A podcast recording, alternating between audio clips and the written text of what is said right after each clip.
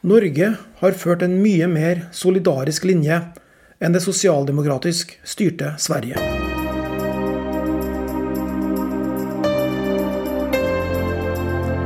Det var et lite stikk for Svein Andersen, men et viktig stikk for Norge, som ble satt på Ellingsrudhjemmet i Oslo tredje juledag. Med koronavaksineringen i gang, både her hjemme og mange andre steder i verden, feirer vi nyttår med håp om at den vanskeligste perioden under denne pandemien kan ligge bak oss. Viruset har fratatt oss friheter vi tidligere har tatt som en selvfølge. Men med faste, ukentlige leveringer av nye vaksinedoser håper mange at normaliteten kan være gjenvunnet en gang utpå sommeren. Den typen anslag er selvfølgelig usikre. Bl.a. gjenstår det å se hvilken betydning de muterte virusvariantene som nå har dukket opp i Storbritannia og Sør-Afrika, vil få. Det vi imidlertid ved inngangen til 2021 kan si med sikkerhet, er at Norge befinner seg i en helt spesiell positiv særstilling, både når det gjelder smittetall og antall koronadødsfall. Alle menneskeliv som går tapt til denne typen smittsom sykdom, er selvfølgelig en tragedie. Også bak hvert av Norges over 400 koronadødsfall ligger det sorg og savn. Det må vi alltid huske på. Samtidig slår Statistisk sentralbyrå fast at det ikke har vært noen overdødelighet i den norske befolkningen gjennom de første månedene av pandemien. Enkelte former for dødelighet har faktisk gått ned pga. det økte hygienefokuset og begrensningen i mellommenneskelig kontakt som pandemien har medført. Årets influensasesong ser f.eks. på det nærmeste ut til å være avlyst. Koronatilstanden i Norge står i sterk kontrast til situasjonen ellers i vår verdensdel, som er den aller hardest rammede av covid-19. Flere europeiske land har meldt om den største dødeligheten siden krigsårene. Det italienske statistikkbyrået opplyser f.eks. at de må helt tilbake til 1944, da de allierte invaderte Italia for å finne et år med flere dødsfall enn i 2020. Helsevesenet der i landet har flere ganger vært i ferd med å knele under det store antallet koronapasienter med behov for livreddende pleie.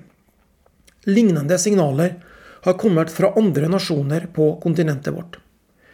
Vi behøver ikke gå lenger enn til vårt naboland Sverige for å finne et land med nærmest katastrofale pandemitilstander. Sverige har gått over 8000 dødsfall. Det utgjør mer enn 20 ganger så mange døde som Norge. Korrigert for innbyggertall er dødeligheten ti ganger større i vårt naboland i øst enn hos oss. Hvis vi sammenligner Norge med det kontinentale Europa, kan ulikheter i kultur, velstandsnivå, trangboddhet og lignende forklare noe av forskjellen. Men det går ikke når det gjelder svenskene. De er rett og slett for like oss. Nøkkelen til de enorme forskjellene i koronaskjebne på den skandinaviske halvøy må søkes andre steder, nærmere bestemt i hvordan pandemien er håndtert av våre lands myndigheter. Hos svenskene har situasjonen vært preget av tvilsomme teorier om flokkimmunitet og svakt politisk lederskap. I den innledende bekjempelsen av covid-19 fikk helsebyråkrater nærmest uinnskrenket makt i utformingen av strategien. Statsepidemiolog Anders Tegnell var overbevist om at smitten måtte få gå sin gang gjennom befolkningen, og at det derfor ikke var nødvendig å stenge ned samfunnet, slik de nordiske naboene hadde gjort. Mens Norge gikk i lockdown, fortsatte svenskene å feste på Stureplan i Stockholm.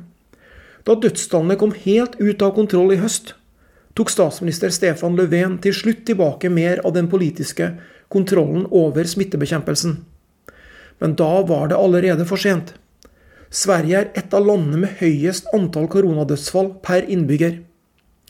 Storavisen New York Times har omtalt våre naboer som verdens skrekkeksempel. Også i Norge har de vitenskapelige fagmiljøene hatt stor innflytelse. Men det avgjørende ordet har hele tiden ligget hos regjeringen. Denne typen vanskelige og inngripende avgjørelser skal tas av politikere som må stå til ansvar overfor de som har valgt dem. Den norske koronahåndteringen har vært preget av helt andre verdier enn den svenske. Der Anders Tegnell, til tross for de enorme dødstallene, fortsatt i dag uttrykker skråsikkerhet angående sine egne teorier, har norske myndigheter valgt en mye mer ydmyk tilnærming. Både Folkehelseinstituttet og regjeringen har vært helt åpne om hvor komplisert dette er, og at man ikke alltid kan vite hva som er riktig. Det er en fremgangsmåte som har skapt tillit i den norske befolkningen. Og kanskje viktigst av alt, Norge har også ført en mye mer solidarisk linje enn det sosialdemokratisk styrte Sverige. Ved å stenge ned samfunnet tar den yngre delen av befolkningen på seg byrder for å beskytte de langt mer utsatte eldre innbyggerne. Det har vært med på å skape den norske koronasuksessen i 2020. Måtte den også vare i det nye året.